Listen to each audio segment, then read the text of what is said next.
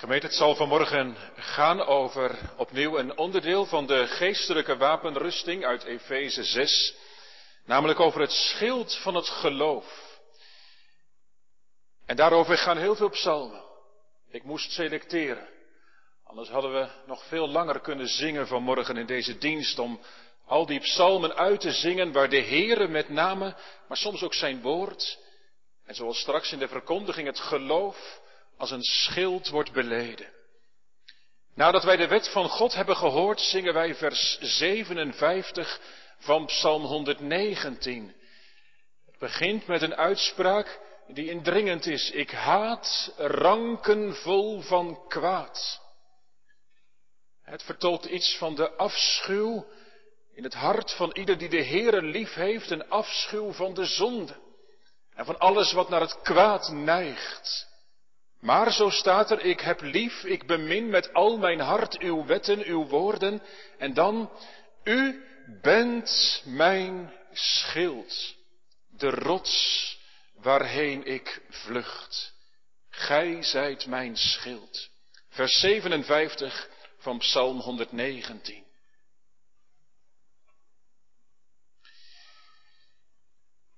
Gemeente, wij lezen de schriften vanmorgen in Efeze 6 en vervolgens in het slot van Hebreeën 11 en we lezen dan nog iets door in Hebreeën 12. Eerst Efeze 6, vers 10 tot en met 16. Vervolgens bekende hoofdstuk Hebreeën 11, waar tal van geloofsgetuigen worden genoemd. Personen die genoemd worden, die door het geloof leefden. En we lezen dan in Hebreeën 11 vanaf vers 32 tot en met 12 vers 3. Maar eerst dus Efeze 6, vers 10 tot en met 16. Er klinkt het woord van God als volgt. Verder, mijn broeders, mijn zusters, wordt gesterkt in de Heere en in de sterkte van zijn macht. Bekleed u met de hele wapenrusting van God, opdat u stand kunt houden tegen de listige verleidingen van de duivel. Want we hebben de strijd niet tegen vlees en bloed, maar tegen de overheden, tegen de machten, tegen de wereldbeheersers van de duisternis van dit tijdperk, tegen de geestelijke machten van het kwaad in de hemelse gewesten. Neem daarom de hele wapenrusting van God aan, opdat u weerstand kunt bieden op de dag van het kwaad en na alles gedaan te hebben stand kunt houden. Houd dan stand uw middel omgord met de waarheid, bekleed met het borstharnas van de gerechtigheid, de voeten geschoeid met bereidheid van het evangelie van de vrede, Neem bovenal het schild van het geloof op, waarmee u alle vurige pijlen van de boze zult kunnen uitblussen. Tot zover Efeze 6. En dan vanuit Hebreeën 11 lezen wij een aantal voorbeelden getuigen die dat schild van het geloof hebben gehanteerd. Ik lees met u vanaf vers 32, Hebreeën 11. Nadat er al heel veel voorbeelden geklonken hebben, oud-testamentische gelovigen, Abraham, Sarah, Isaac, Mozes, nou en nog een aantal. En dan hoofdstuk 11, vers 32. Wat zal ik nog meer zeggen? De tijd ontbreekt mij om te vertellen over Gideon, Barak, Simson, Jefta, David, Samuel en de profeten zij hebben door het geloof koninkrijken overwonnen, gerechtigheid in praktijk gebracht, beloften verkregen, muilen van leeuwen gesloten. Ze hebben de kracht van het vuur geblust. Ze zijn aan de scherpte van het zwaard ontkomen. Ze hebben in zwakheid kracht ontvangen. Ze zijn machtig geworden in de oorlog. Legers van vreemden hebben ze op de vlucht gejaagd. Vrouwen hebben hun doden teruggekregen door opstanding uit de dood. Maar anderen zijn gefolterd en namen de aangeboden verlossing niet aan, opdat zij een betere opstanding zouden verkrijgen. Wier anderen hebben spot en gezelslagen verdragen, ja zelfs boeien en gevangenis. En let wel, dit is geen verhaal van aardse glorie, vers 37. Ze zijn gestenigd, in stukken gezaagd, in verzoeking gebracht, met het zwaard ter dood gebracht. Ze hebben rondgelopen in schapenwachten en geitenvellen. Ze leden gebrek, werden verdrukt, mishandeld. De wereld was hen niet waard. Ze dwaalden rond in afgelegen plaatsen. Ze verbleven op bergen, in grotten, in holen in de aarde. En deze allen hebben, hoewel ze door het geloven goed getuigenis van God gekregen hebben, de vervulling van de belofte niet verkregen hier op aarde. Daar God met het oog op ons iets beters voorzien had, opdat ze zonder ons niet tot de volmaaktheid zouden komen. Wel nu dan, laten ook wij, nu wij door zo'n menigte van getuigen omringd worden, afleggen alle last en de zonde die ons zo gemakkelijk verstrikt. En laten wij met volharding de wedloop lopen die voor ons ligt. Terwijl wij het oog gericht houden op Jezus, de leidsman en voleinder van het geloof. Hij heeft om de vreugde die hem in het vooruitzicht was gesteld, het kruis verdragen, de schande veracht en zit nu aan de rechterhand van de troon van God. Want let toch scherp op hem, die zo'n tegenspraak van de zondaars tegen zich heeft verdragen, opdat u niet verzwakt en bezwijkt in uw zielen. Gemeente, ik mag u het woord van God bedienen vanmorgen vanuit Efeze 6, vers 16. Deze woorden. Neem bovenal het schild van het geloof op, waarmee u alle vurige pijlen van de boze zult kunnen uitblussen. Let op dat schild van het geloof, op die vurige pijlen van de boze en op de vraag hoe hanteer je dan dat schild? Hoe, hoe werkt dat dan? De goede strijd van het geloof. Gemeente van Christus, u en jij, je weet het nog wel. De apostel Paulus neemt de kleding en de wapens van een Romeinse soldaat als voorbeeld voor de gelovigen in dit leven hier op aarde. Maar ik dacht bij de voorbereiding van deze dienst, als Paulus nou vandaag geleefd zou hebben in 2020, had hij dan ook een Romeinse soldaat gekozen? Ik kan het niet vragen. Maar als je denkt aan die vurige pijlen van de boze. Misschien had Paulus dan wel gekozen voor het voorbeeld van die hackers op internet. Je weet wel. Hoe geraffineerd gaan internethackers te werk om, ja, om soms hele systemen plat te leggen. Bedrijven hebben de handen er vol aan om dat een beetje te voorkomen, om dat voor te zijn. Als de beveiliging niet up-to-date is, dan is je bedrijf uitermate kwetsbaar. Jongen, ik zeg het vanmorgen zo. De duivel is onophoudelijk bezig om jouw leven te hacken. En als hem dat lukt, dan legt hij de zaak plat. Althans, de zaak van het koninkrijk van God in jouw leven. Houd dat beeld maar een beetje in gedachten vanmorgen. Als het gaat over het schild van het geloof. Want dat zeg ik er dan meteen bij. De beveiliging die God je aanreikt vanmorgen is niet een of ander programma. Maar is het geloof. Het schild van het geloof. Het geloofsvertrouwen op de Heer Jezus Christus. En gemeente, laat dit vandaag wel glashelder zijn. Het gaat hier in Efeze 6 over een levend christen. En een levend christen is niet iemand die zomaar elke zondag in de kerk komt of thuis de zaak weer aanzet om de dienst mee te beleven. Een levend christen ben je wanneer je opnieuw geboren bent. Wanneer je de levende verbinding met de Heer Jezus kent. Kijk, als je niet leeft met Christus, dan heb je wel strijd in dit leven. Ja, wat dacht je? Strijd met al die dingen die gebeuren in je leven. Tegenslagen waar je mee worstelt, kan allemaal. Met je zelfbeeld, met van alles en nog wat. Maar, maar dat is niet hetzelfde als de geestelijke strijd. De geestelijke strijd heeft te maken met de verbinding met de levende God. Sterk worden in de Heere, vers 10.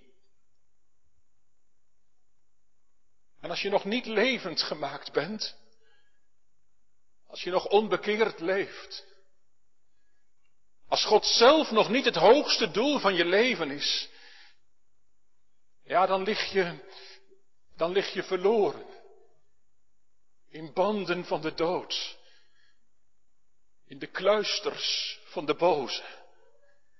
Maar laat het nu zo zijn dat de Heer Jezus kwam, zo zegt Johannes het, om de banden, om de werken van de duivel te verbreken. En dat doet hij hier en nu door de verkondiging van het evangelie. Dus, laat het dan je gebed zijn, Heer, doe zo ook aan mij vanmorgen, want eerlijk is eerlijk. Juist als hij dat doet, hè, de Heer Jezus, als hij die banden verbreekt, als hij die levende verbinding met de Heer Jezus komt, dan, dan ontstaat die strijd. Dan doet de duivel er alles aan om vurige pijlen je leven binnen te schieten, je te verwonden. En daarom is het dat de Heer dat schild van het geloof aanreikt. Gemeente, ook dit wapen, besef dat, is gekocht met de dure prijs van Christus bloed. Is niet zomaar even iets. Daar is de Jezus voor, voor dood gebloed aan het kruis om dit wapen uit te reiken. Het komt van God en het is er ook door God. Ook het geloof is een geschenk vanuit de hemel. En zo klinkt het in onze tekst. Neem het aan of, of neem het op, zo staat het er. Dus je hoeft het niet zelf ergens te kopen. Je hoeft het ook niet zelf in elkaar te zetten. Stop maar met knutselen. Nee, je hebt het aan en, en op te nemen. En gemeente, eh, toch even daar de nadruk op, dat is net even anders dan, dan in de vorige versen, bij die vorige wapens. Want die eerste drie wapens in vers 14 en 15, daar, daar, daar, stond van, en u herinnert zich dat als ik dat nog een keer noem, ik heb dat ook een paar keer benadrukt, dat ze dat voortdurend aan moesten hebben. al lagen ze in de tent te slapen, dan moesten die sandalen aan zijn. Daar kun je niet mee beginnen als de vijand uh, aanklopt aan je tent. Je, je moet ermee bekleed zijn, voortdurend. Overdag en s'nachts. Maar, maar als het nu gaat over het schild, dan staat het ook echt anders in de tekst. Dat schild moet opgenomen worden. Zo. Op het moment dat de aanvallen van de boze plaatsvinden, moeten gelovigen dat schild in zijn handen nemen en, en ophouden. Er gebruik van maken. Het hanteren. Ik kom er zo op terug. Want jongens en meiden, een schild je had in die tijd um, twee soorten schilden. Die gebruikten de Romeinen ook wel. Een, een klein schild en een, en een groot schild. En dat grote schild wordt hier bedoeld. Ja, die Romeinse soldaten moesten ook wel trainen hoor. Want dat woog best wel wat. Een groot schild. Er staat namelijk in de grondtekst het woordje tureos, dat mag je weer vergeten natuurlijk. Maar, maar dat lijkt op het woordje tura, en Tura, misschien hoor je het wel een beetje, dat is het Griekse woord voor deur. Deur. En die Turios, dat schild van die Romeinse soldaat, dat was een groot lang schild. Je kon er met je hele lichaam achterweg schuilen. Zeg maar een soort deur die je voor je hield. Nou gemeente, ik zei het al, dat beeld van een schild kom je veel tegen in de Bijbel. En, en heel vaak gaat het dan over God als schild.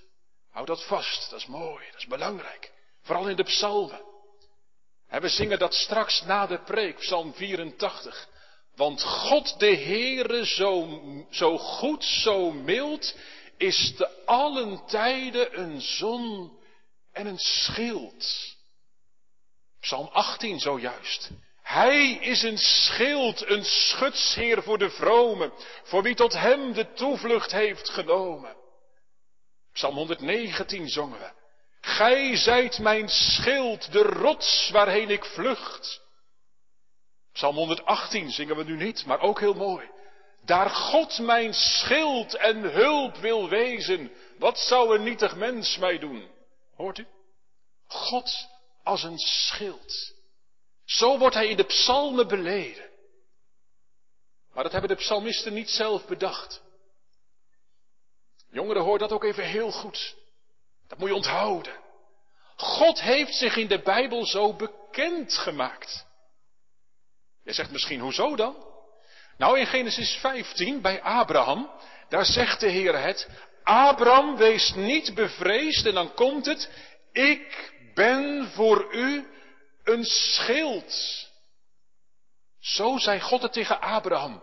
En die psalmisten waar wij de psalmen van hebben, die hebben dat natuurlijk ook gelezen. Die weten dat van Abraham. Dat God gezegd heeft, ik ben voor u een schild. En wat doen die psalmisten? Die keren het om, die zeggen, Heere God, u bent voor ons een schild. Gemeente, dat is geloven, hè?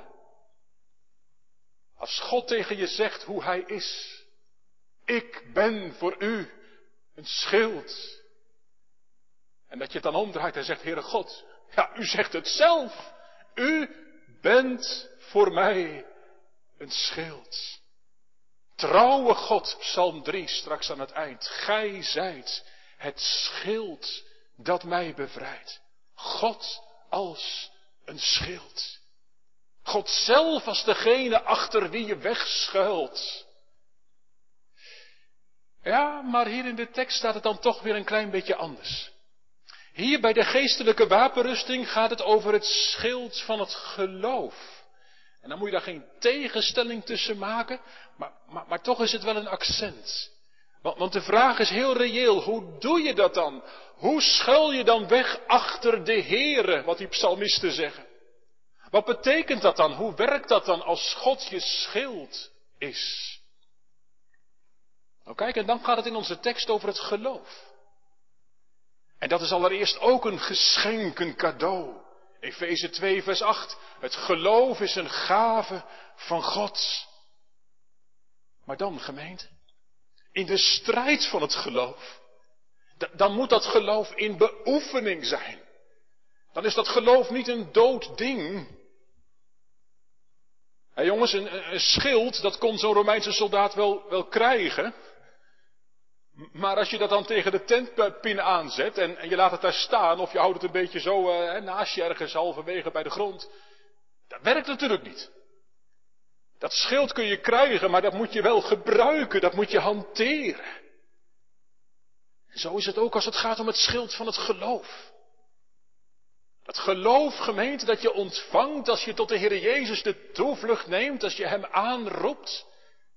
Dat geloof wat de Heilige Geest schenkt, echt, door het woord heen, door de verkondiging heen, als je voelt dat je hart naar de Heer Jezus toegetrokken wordt. Maar dat geloof moet wel in beoefening zijn. Dat moet je, mag ik het zo zeggen, dat moet je leren gebruiken. Zoals we dat lezen van de geloofsgetuigen in Hebreeën 11. Daar gaat het niet zozeer meer om mensen die tot geloof komen, dat was al eerder zo geweest maar wel die door het geloof leefden. De rechtvaardige zal door zijn geloof leven. En dat woordje geloof heeft dan alles te maken, ook vanuit de grondtekst, met trouw, met betrouwbaar zijn, met, met vertrouwen. Het schild van het geloof, dat is niets anders dan het je toevertrouwen aan de Heere Jezus Christus. gemeente, voordat we verder zien hoe dat functioneert, hoe je dat schild van het geloof hebt te gebruiken in de geestelijke strijd, kijken we eerst naar die vurige pijlen van de boze. Want het is wel opvallend hier in Efeze 6, vers 16, dat dat met nadruk wordt genoemd. Bij de vorige wapens lees je daar niet over. Wel algemeen in het begin, in vers 11 en in vers 12, maar niet per wapen, maar nu wel. En het wordt heel treffend door de nieuwe Bijbelvertaling weergegeven. Die boze van onze tekst. Weet u, het staat er letterlijk zo, en, en zo vertaalt de nieuwe Bijbelvertaling dat, en dat is mooi. Die zegt, hem die het kwaad zelf is. Zo. Hem die het kwaad zelf is. De verpersoonlijking van het kwaad. Jongeren, de duivel is niet een vage kracht, hè? Duivel is, zegt de Bijbel, de vorst der duisternis. Hij is geen, uh, geen figuur uit de sprookjeswereld die met pijltjes schiet of zo hoor. Hij wordt, hij wordt een brullende leeuw genoemd. Gemeente, laten we eerlijk zijn, dat is niet iets wat we in onze tijd graag hardop zeggen. Want wij zijn voor positief denken. Maar de Heere God leert ons dat deze wereld bezet gebied is. Zeg maar rustig, bezeten gebied. En wie niet rekent met de listige verleidingen van de boze, die, die staat erbij en die kijkt ernaar, maar die heeft niet in de gaten wat er werkelijk aan de hand is. Wij, wij moeten de geesten leren onderscheiden. Als wij ons niet bewust zijn van de strijd die de boze voert om, om Gods kinderen te verwonden, dan gebeurt er misschien iets in ons eigen leven. Of je ziet iets gebeuren in de maatschappij, maar dan, dan leg je dat compleet verkeerd uit. Wat staat hier over de boze, hier in onze tekst? Hij gebruikt vurige pijlen. Jongens, meiden, wat pijlen zijn, dat weet je wel. Maar wat zijn nou vurige pijlen? Nou, dan moet je weer even met me meedenken aan die Romeinse soldaat. Die Romeinse soldaat, die tijd van toen. Want brandende pijlen, denk maar even aan een vuurpijl. Met vuurwerk, weet je wel. Brandende pijlen, dat kunnen gevaarlijke dingen zijn. Sterker nog, dat zijn gevaarlijke dingen. En de punt van zo'n pijl in die tijd van de Romeinen, die hadden ze dan, eh, hadden ze een touwtje aan vastgemaakt. En dat touwtje hadden ze in pek gedoopt. Een pek is een heel brandbaar goedje, zeg maar een beetje een soort, eh, benzine vandaag of zo. Eh, een brandbaar iets. En dan vlak voordat ze die pijl afschoten, dan staken ze dat touwtje in brand.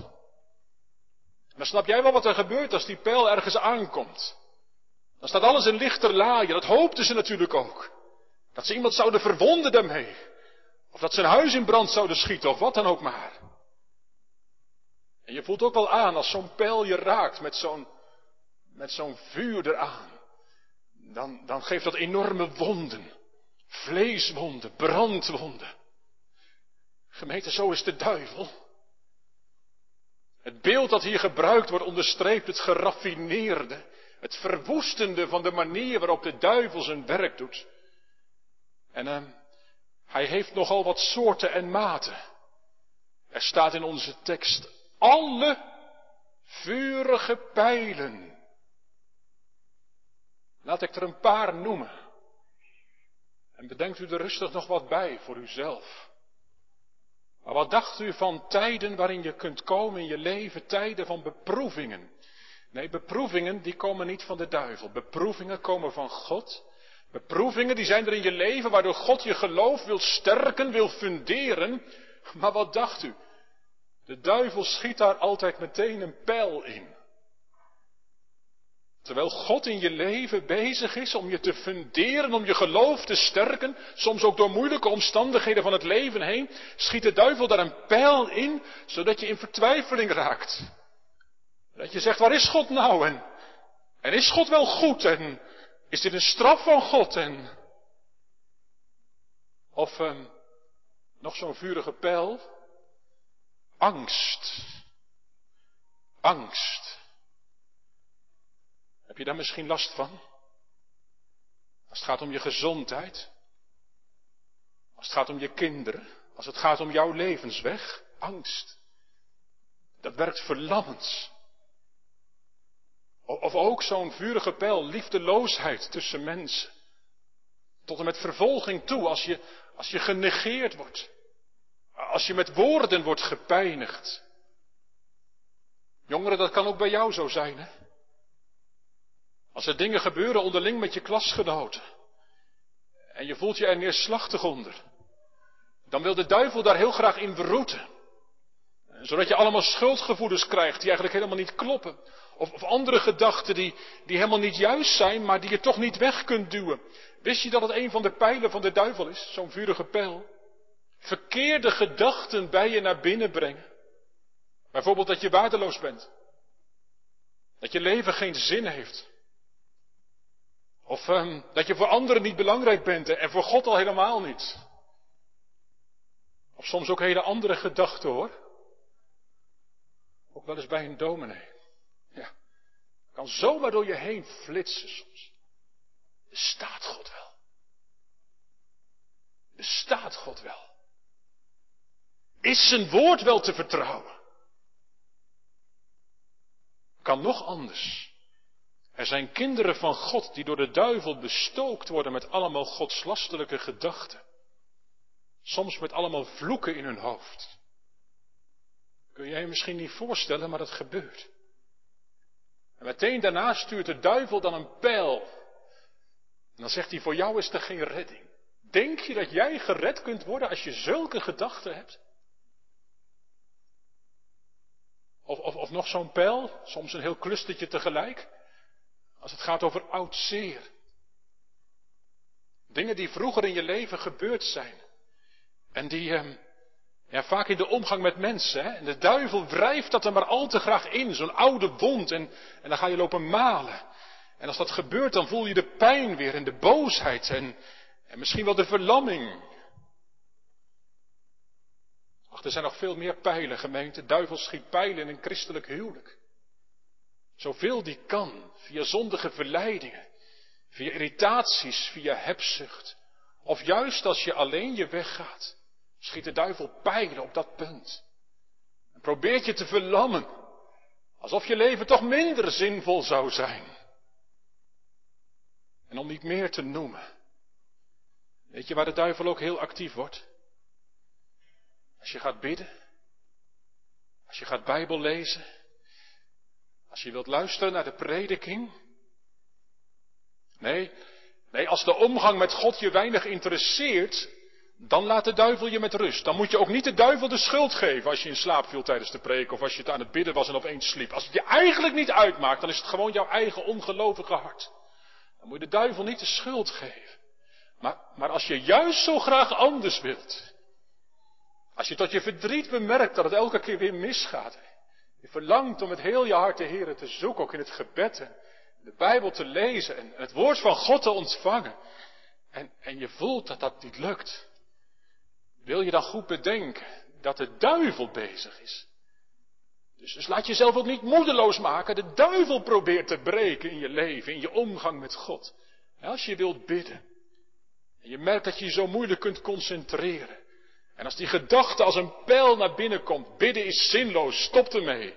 God ziet me aankomen, weer met hetzelfde. Of jongeren misschien iets heel anders. Iets wat je afleidt tijdens bijbellezen of tijdens de preek. Je smartphone. Dat ding is niet fout natuurlijk. Kun je gewoon gebruiken. Maar, maar als je de verleiding voelt opkomen terwijl je met het woord van God bezig bent om toch even te gaan kijken dan, dan zit daar heel veel achter van, van die listige pijlen, die vurige pijlen van de boze. En ik zeg tegen je, weg dat ding, op dat moment. Niet aan. In de kerk niet. Bij het Bijbellezen niet. Ook thuis niet als je samen aan tafel leest en bidt. Aan de kant. Geef de duivel geen kans. Maar keuzes. Gemeente, laten we er niet lacherig over doen. Maar onderken dat de duivel ermee speelt nou ja, ermee speelt. Gods woord noemt het vurige pijlen. En wij spelen met die vurige aanvallen van de boze. Ja, als we dat doen, dan, dan spelen we met vuur. Paulus zegt ergens, zijn listen zijn ons niet onbekend. Geldt dat ons ook? Hebben we in de gaten hoe de duivel probeert een wicht te drijven tussen God en onze ziel? Gemeente, wat moet je doen? Als die vurige pijlen van de boze op je afkomen, bij de een dit, bij de ander dat. Nou, in ieder geval geen vurige pijlen terugschieten. Niet gaan terugschieten. Moet je even over nadenken, jongeren. geen pijlen van verwijt of van boosheid of van frustratie of van bitterheid terug gaan knallen. Niet doen. Wat dan wel? Wat is het wapen dat ons wordt aangereikt in het heetst van de strijd? Als die vurige pijlen van de boze worden afgevuurd. Gemeente, dat is, dat is dat schild van het geloof. En als je de Heer hebt liefgekregen, ik zei het al, roept de Heer je op ook vanmorgen om dat schild te hanteren, te beoefenen. En dat brengt me bij dat derde. Want hoe moet dat dan? Gemeente, dat gebruiken van het schild van het geloof, dat heeft alles te maken met het woord van God.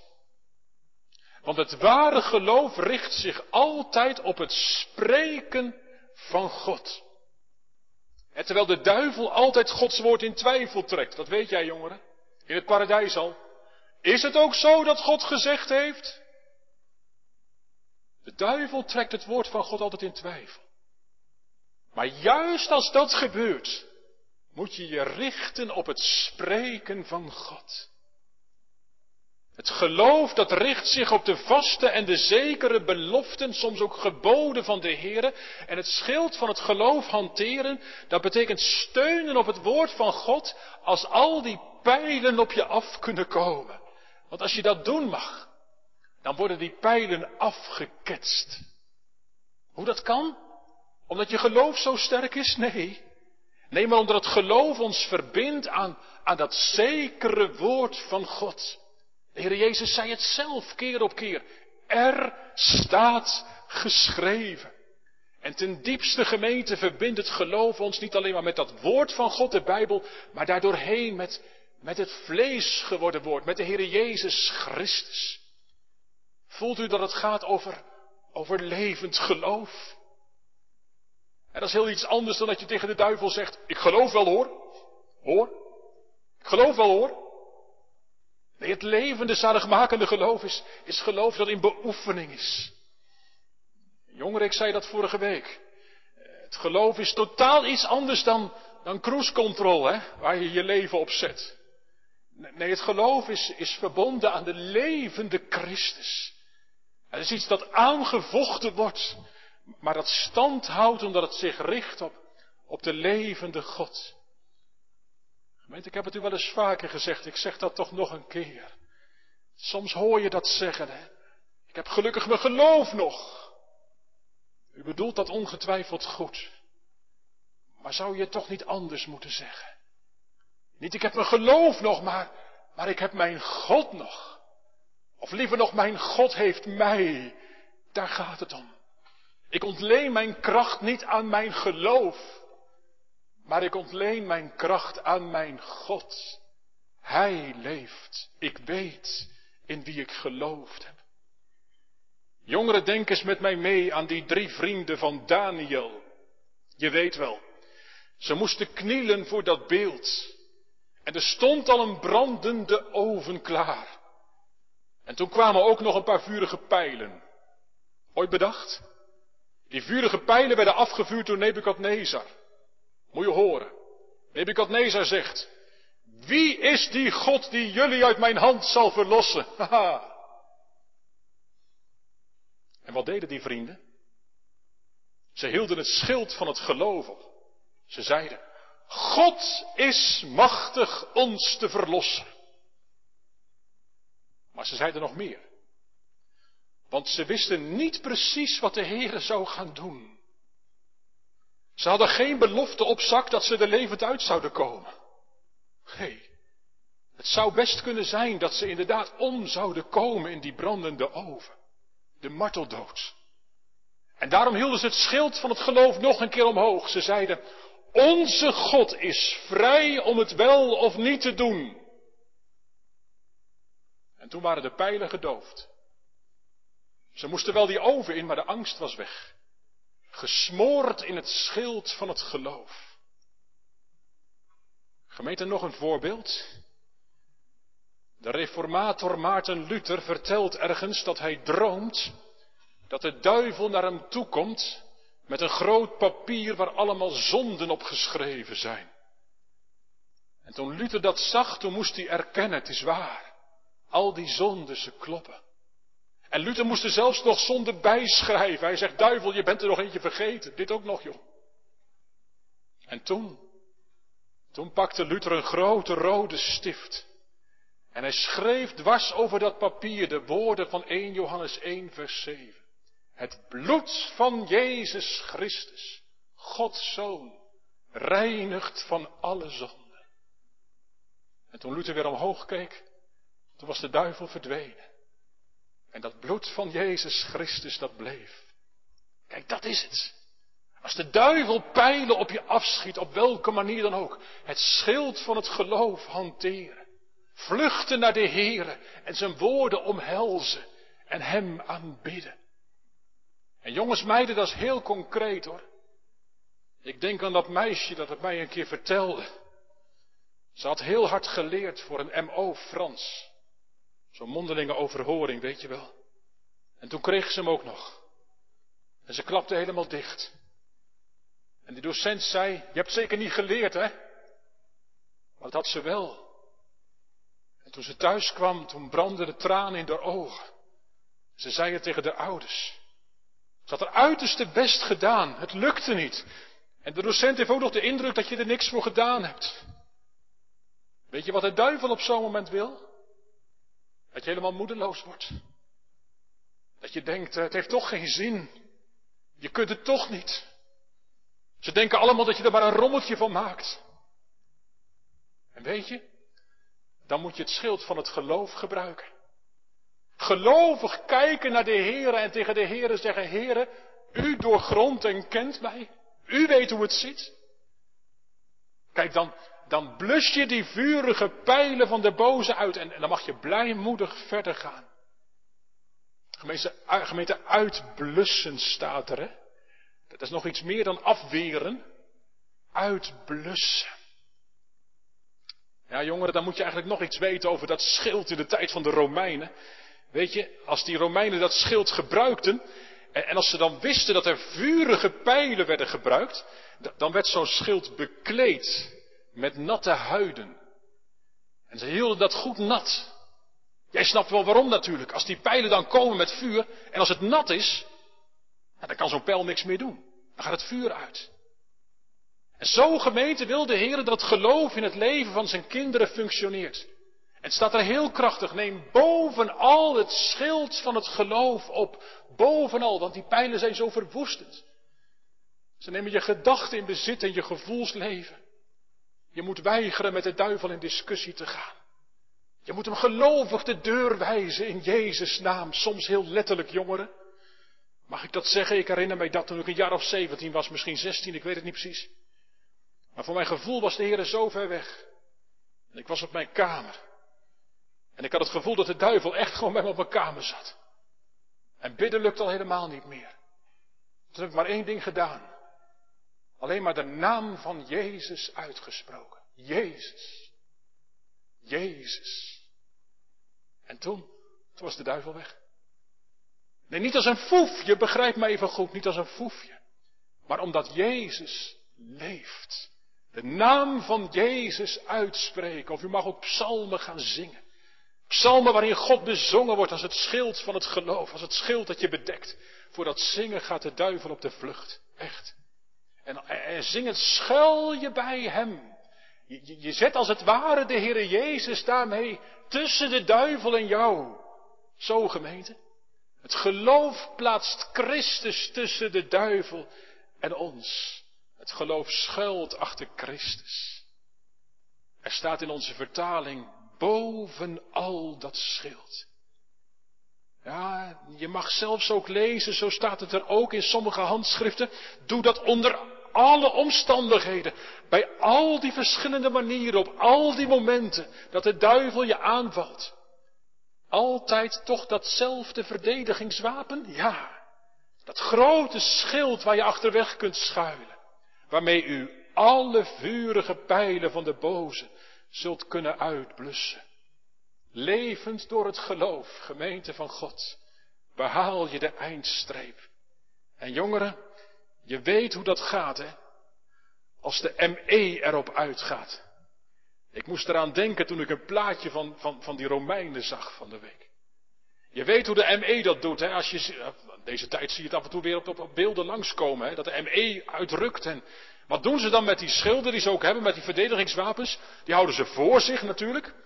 Maar soms zie je dat wel eens. En zeker in de tijd van de Romeinen was dat zo. Dan liepen ze heel dicht achter elkaar, die, die, die Romeinse soldaten. En die voorste hielden dat schild voor zich. En die daarachter hen liep, die hield het schild erboven. En aan de zijkant liepen er een aantal die hielden het aan de zijkant. En zo konden er nergens pijlen binnenkomen. Gemeente, ik dacht, wat een prachtig beeld. Als we zo als gemeente van Christus, ook in Oud-Beierland, elkaar beschermen. Als je je niet voortdurend druk maakt samen over kleine dingen die wel of niet gebeuren, dan pakt de duivel zijn kans. Wij moeten weten waar de fronten liggen. En die liggen daar, waar de duivel het voor elkaar krijgt, dat wij elkaar niet meer dienen in liefde. Waar de duivel het hartelijke vertrouwen op de Heer Jezus ons ontneemt. Waar dat radicale volgen van Christus onder druk komt te staan. Omdat we zeggen, ach, het maakt toch allemaal niet zoveel uit. Kom gemeente, neem onder alle omstandigheden het schild van het geloof op. Waarmee je al de vurige pijlen van de boze zult kunnen uitblussen. En doe dat vooral door te zien op de Heere Jezus. Die, die ogenschijnlijk naakt, toch? Hing aan dat kruis van Golgotha. Hij had geen wapen in handen, zou je zeggen. Hij had alles afgelegd, zelfs zijn kleren. Mag ik u tenslotte vanmorgen meenemen naar die plek? Want daar op Golgotha, daar was het. Dat de hel echt loskwam hoor. Dat was niet zomaar af en toe een pijltje. Daar kwam een bombardement van vurige pijlen op Christus neer. En hij liet het komen. Hij kwam terecht in de allerdiepste versmaadheid van de hel. En, en toen in die helse strijd, toen heeft Christus de schuld voor al Gods kinderen verzoend. Maar dat niet alleen. Hij heeft ook deze wapens van Efeze 6, hij heeft ze gekocht en, en verdiend met zijn kostbaar bloed. En, en daar op Golgotha gemeente, daar heeft hij ons geleerd wat het in de diepste aanvechting betekent om, om het schild van het geloof te hanteren. Want op het dieptepunt van zijn lijden, in die stikdonkere duisternis, toen hij de vadernaam niet meer kon spellen, toen, toen heeft hij zich er doorheen geloofd. Toen, toen pakte hij, terwijl hij gespijkerd was, pakte hij toch dat schild.